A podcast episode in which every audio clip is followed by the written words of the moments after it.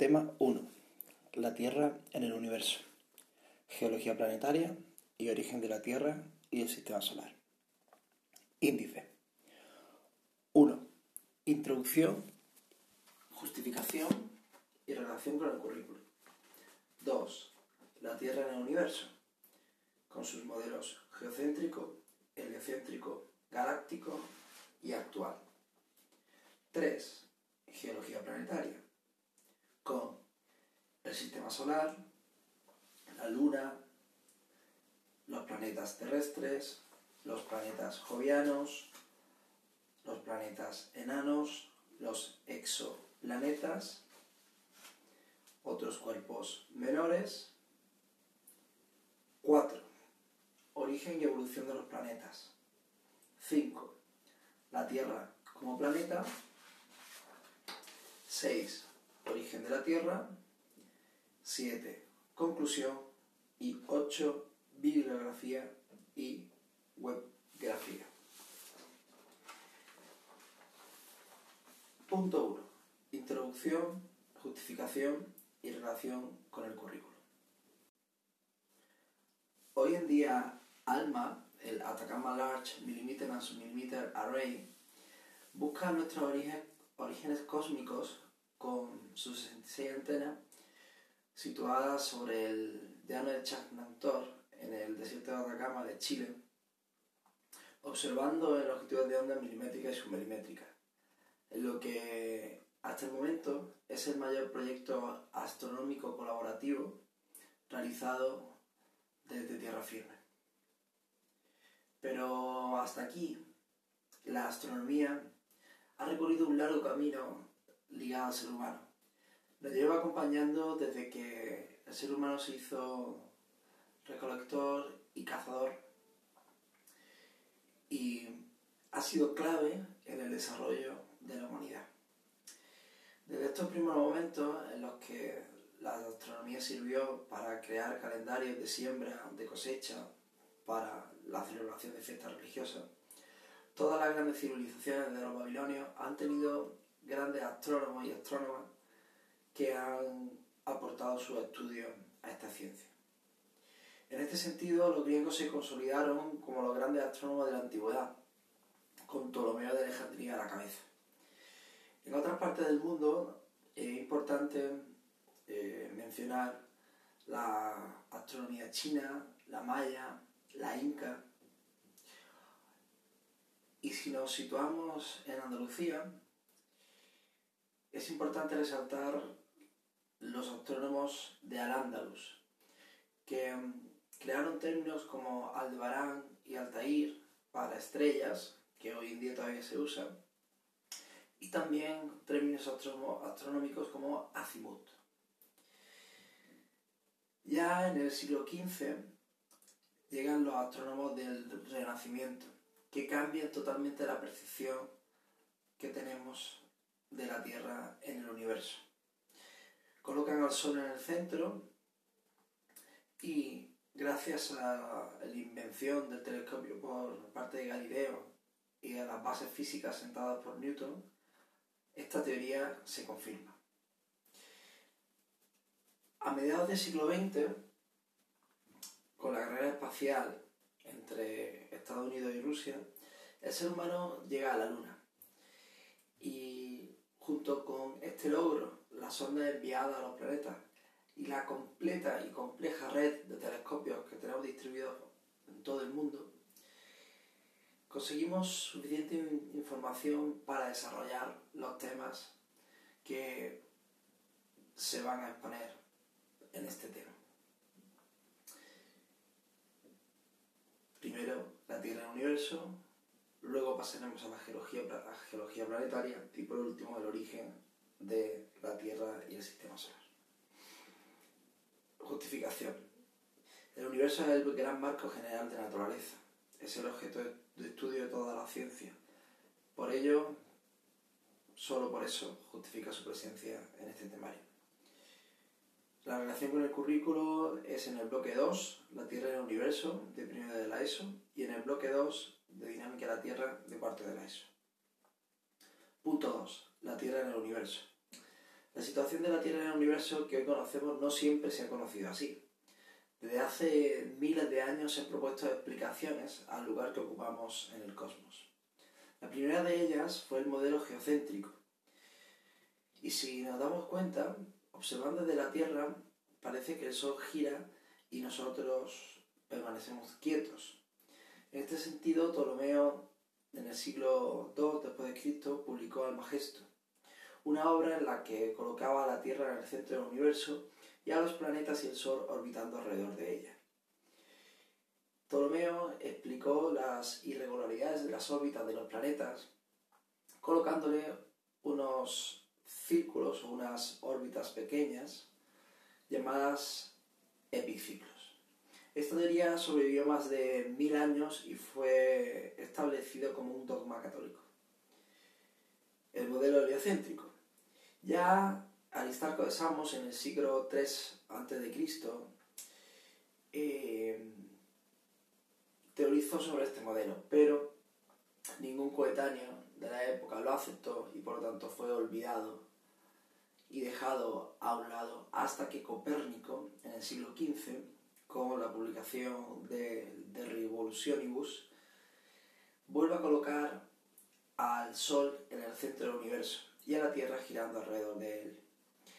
Se genera un gran debate entre ciencia e iglesia, hasta tal punto que Giordano Bruno es quemado vivo por defender que pueda haber vida en otros planetas.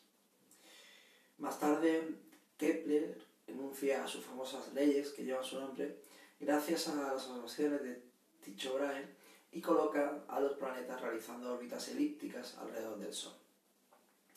Galileo, al mismo tiempo, construye su telescopio y empieza a observar astros a través de él, confirmando así la teoría heliocéntrica.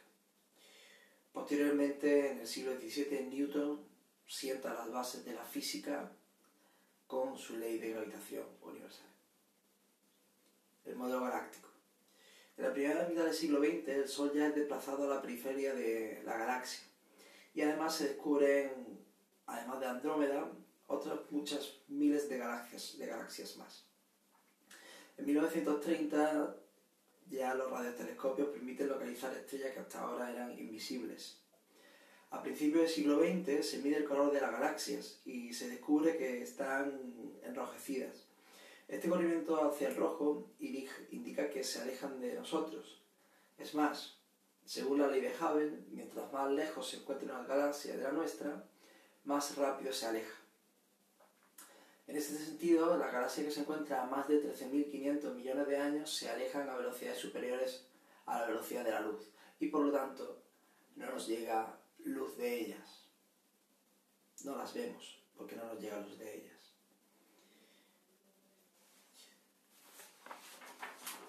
El modelo actual, en el que ya se han descubierto los pulsares, los cuásares, los agujeros negros, dice que las galaxias forman cúmulos y supercúmulos y que el gran unificador del cosmos es la gravedad.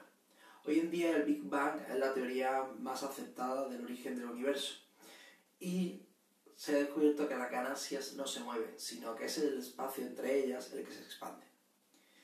También se sabe que en una mínima parte de este universo conocido se encuentra el supercúmulo de Virgo. Y dentro de este supercúmulo, la gravedad mantiene unidas a unas 30 galaxias, que es nuestro grupo local donde se encuentra nuestra galaxia, la Vía Láctea. La Vía Láctea es una galaxia en espiral y nuestro sistema solar está en un brazo, en concreto en el brazo de Orión, a 25.000 años luz del centro galáctico. El Sol tarda en dar una, o en orbitar alrededor del centro de la, de la galaxia unos 225 millones de años. Nuestro vecino más cercano es Próxima Centauri, que es una estrella en cuyo sistema se encuentra Próxima B. Y más allá de Neptuno, en los límites de nuestro sistema solar se encuentra el Saturn de Kuiper y luego la nube de Oort con numerosos cometas. 3. Geología planetaria del sistema solar. El Sol es el centro de un sistema rodante formado por 8 planetas. El Sol ocupa el 99, o el Sol tiene el 99,85% de la masa del sistema y todos los planetas y astros se reservan solo el 0,15% restante. Hay, se divide los planetas en dos grandes tipos, los planetas terrestres o interiores, que son como la Tierra, y los planetas jovianos o exteriores, que son como Júpiter. Vamos a ver todos los planetas de nuestro sistema solar, pero empezaremos por el satélite que nos acompaña, la Luna. La Luna es el único satélite natural de los cientos que tiene la Tierra orbitando alrededor de ella y es inusualmente grande comparada con la Tierra. Tiene una densidad de 3,3 veces la del agua, no tiene atmósfera, no tiene agua líquida, no hay meteorización, tampoco actúan las fuerzas tectónicas, no están activas, y la única erosión que tiene es de los micrometeoritas que le llegan. Tiene cráteres debido a impactos, tiene tierras altas y unas planicies extensas y oscuras, basálticas, denominadas mares. También su superficie está recubierta de un polvo fino, denominado regolito, y la hipótesis más contratada es que la Luna se formó a partir del impacto de un asteroide enorme, del tamaño de Marte, que eh, colisionó con la Tierra. La cantidad de material desprendido de la Tierra que permaneció orbitando alrededor de ella, poco a poco por acreción formó la Luna. Vamos a ver los planetas terrestres.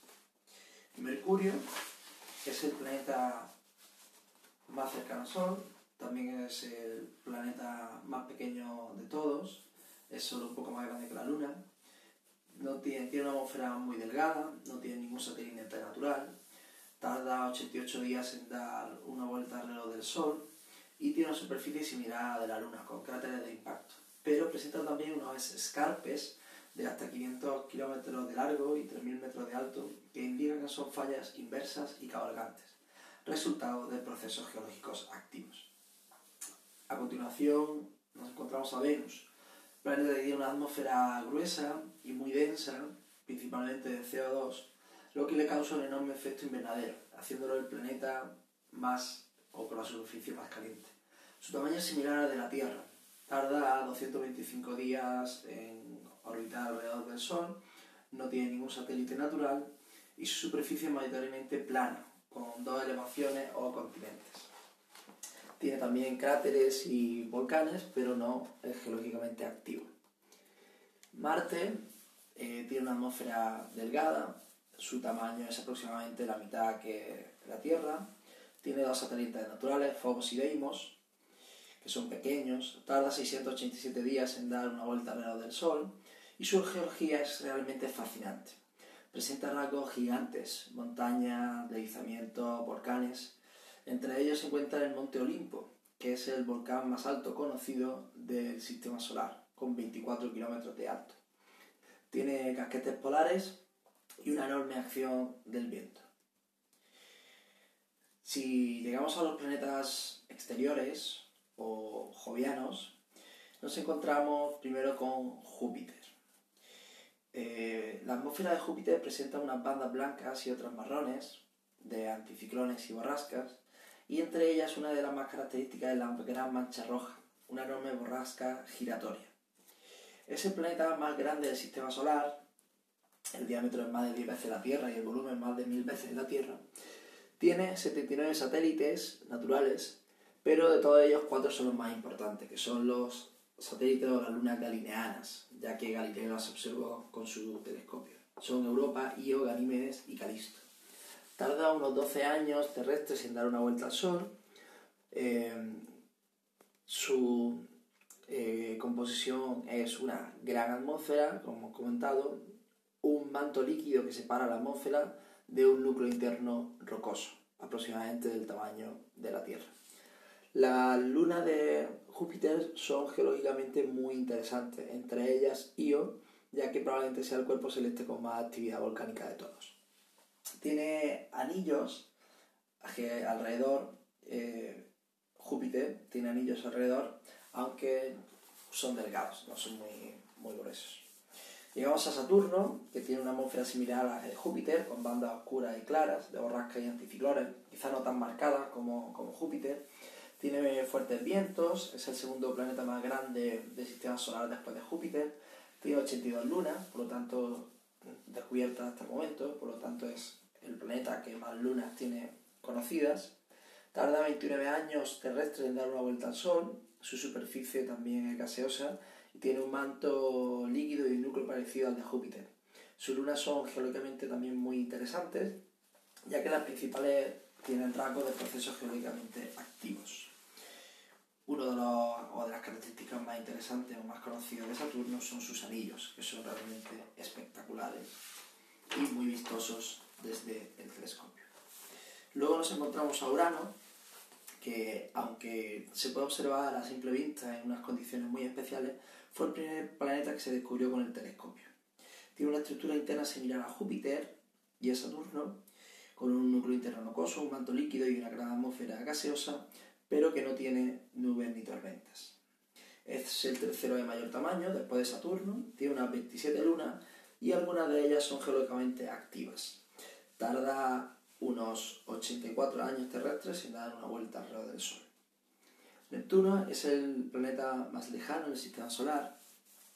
Fue descubierto gracias a predicciones matemáticas y solo es visible por el telescopio. Su atmósfera es dinámica, con manchas que recuerdan a nubes de Júpiter, y es el, el cuarto planeta más grande después de Urano. Tiene ocho satélites conocidos y eh, su año eh, tarda perdón, 165 años en dar una vuelta al Sol. Planetas enanos. Planetas enanos es un término creado por la Unión Astronómica Internacional para diferenciar a estos cuerpos de los planetas clásicos y de los cuerpos menores del sistema solar. Esto ocurrió en, 2006 y la definición de planeta enano queda así. Un planeta, un planeta enano es aquel que orbita al Sol tiene masa suficiente para ser esférico, no es satélite de otro, hasta aquí todo igual que un planeta normal, pero la definición de planeta enano añade que no ha limpiado la vecindad de su órbita. Esto le ocurre a Plutón, pero no le ocurre al resto de los ocho planetas eh, restantes. Debido a esta nueva categoría, Plutón bajó de ese planeta a planeta enano y Ceres aumentó de cuerpo menor a planeta enano. Planeta extrasolar. Bueno, un planeta extrasolar es un planeta que orbita en una estrella diferente al Sol. El primero se descubrió en 1995 mediante métodos indirectos, es decir, no observándolo directamente. En octubre, a octubre de 2019 nos encontramos con 600 sistemas planetarios diferentes al nuestro sistema solar encontrados con más de 4.000 planetas en total. Y aunque un planeta, por definición, debería orbitar una estrella, hay planetas que en algún momento dado se escaparon de su órbita alrededor de su estrella y hoy eh, erran por el universo, por lo que son llamados planetas errantes. La mayoría de planetas extrasolares que se han descubierto son iguales o mayores que Júpiter, pero se cree que quizá esto es por el método por el que se detecta. Eh, planeta con mayor similitud a la Tierra que se ha encontrado, el exoplaneta, perdón, con mayor similitud a la Tierra que se ha encontrado es Kepler 438b, que tiene una similitud del 88% con la Tierra y presenta agua líquida en su superficie. Otros cuerpos menores son los asteroides, que son una especie de montañas volantes. Se han descubierto más de 50.000 y la mayoría tienen alrededor de un kilómetro de diámetro. Estos son eh, y por tanto los asteroides no tienen gases congelados, o, es decir, pues que no crean una cola. La mayoría de cráteres de impacto es creada por ellos. Ha habido grandes impactos en la historia de la Tierra y no se descarta que pueda haber más. Los cometas son unos objetos interesantes e impredecibles del sistema solar son una especie de bola de nieve sucia, de gases congelados, rocas y metales, y conforme se acercan al Sol evaporan esos gases y es lo que se le ve la coma o cabellera del cometa. Se encuentran entre el cinturón de Kuiper y la nube de Oort y el más famoso es el cometa Halley que orbita cada 76 años, pasa alrededor de la Tierra. Bueno, meteoro. Todos hemos visto estrellas fugaces y esto ocurre cuando los meteoroides entran en la atmósfera y por fricción se calientan y producen luz. Estos son los meteoros. A veces eh, ocurre que hay decenas de por noche y esto se llama una lluvia de estrellas. La más famosa es la lluvia de estrellas de las Perseidas, la lágrima de San Lorenzo, que se celebra el 12 de agosto. Si del meteoro iluminado que vemos queda algo que llega a la Tierra, a la superficie de la Tierra, se denomina meteorito. Encontramos sideritos, aerolitos y siderolitos. Bueno, origen y evolución de los planetas. La ordenada naturaleza de nuestro sistema solar ha llevado a pensar a los astrónomos que los planetas y el Sol se formaron de la misma materia y a la vez, en lo denominado como nebulosa primordial. Hace aproximadamente 5.000 millones de años, sin saber aún bien por qué, esta enorme nube comenzó a contraerse bajo su gravedad y empezó a rotar. Conforme se contraía, aumentaba su velocidad, al igual que los patinadores aumentan su velocidad cuando se encogen sus brazos o nosotros podemos aumentar nuestra velocidad si giramos en una silla de escritorio y nos encogemos en vez de estirar nuestros brazos. Esto es por la conservación del momento angular y debido a esta rotación y aumento de velocidad asumió forma de disco, es decir, la nube primordial se convirtió en un disco. Dentro del disco, en el centro, se encontraba la mayor parte de la materia, en la que, lo que empezó a crearse el protosol, pero también, eh, al igual que ocurre en la remolinos de un río, hay pequeñas contracciones alrededor del disco que originaron núcleos donde posteriormente se empezará a formar los protoplanetas. Después de formarse el protosol, la Tierra, la temperatura en el exterior de ese disco disminuyó y las sustancias se pudieron condensar en partículas pequeñas de un grano de arena.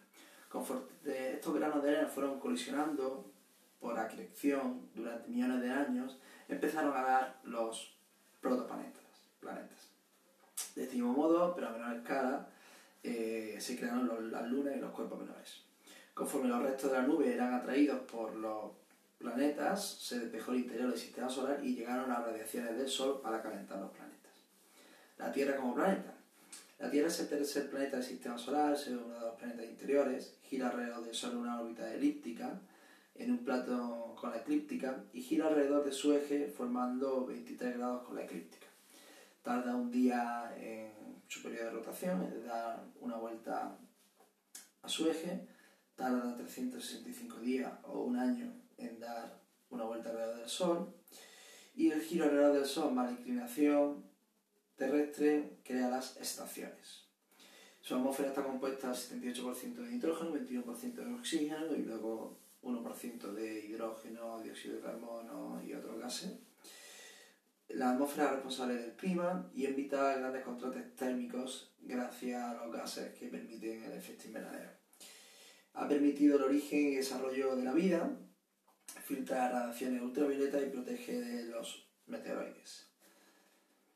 La hidrosfera forma el 71% de la superficie de la Tierra y bueno, también tiene la biosfera, que es la, capa de la, de la vida, y en su estructura interna presenta un manto, un núcleo interior sólido rodeado de un núcleo líquido con un manto y una corteza sólido que presenta una tectónica de placas activa. 6. Origen de la Tierra. Durante el bombardeo meteorítico y acreción, hace uno, durante el bombardeo meteorítico y la acreción, se llegaron a alcanzar temperaturas de entre 8.000 y 10.000 grados centígrados. Es decir, mientras la Tierra estos granos de arena empezaban a colisionar y a crear esta prototierra, se alcanzaron temperaturas suficientes para fundir todos los materiales y permitir así su separación concéntrica, es decir, en función de las densidades, desde el núcleo metálico al manto y la corteza. Los más ligeros se fueron a la superficie, como los gases a la atmósfera, la corteza a la superficie, luego el manto y luego el núcleo. Esto es lo que se llama la diferenciación geoquímica de la Tierra. Además eh, de los minerales terrestres que tienen agua, y algunos meteoritos que también la tenían, la mayor aportación de agua vino de los cometas. Cuando los cometas chocaban en la Tierra, ese eh, agua llegó, se fundió y se hizo vapor. Ese vapor de agua se acumuló en la atmósfera hasta que se condensó en forma de lluvia creando los océanos y la hidrosfera.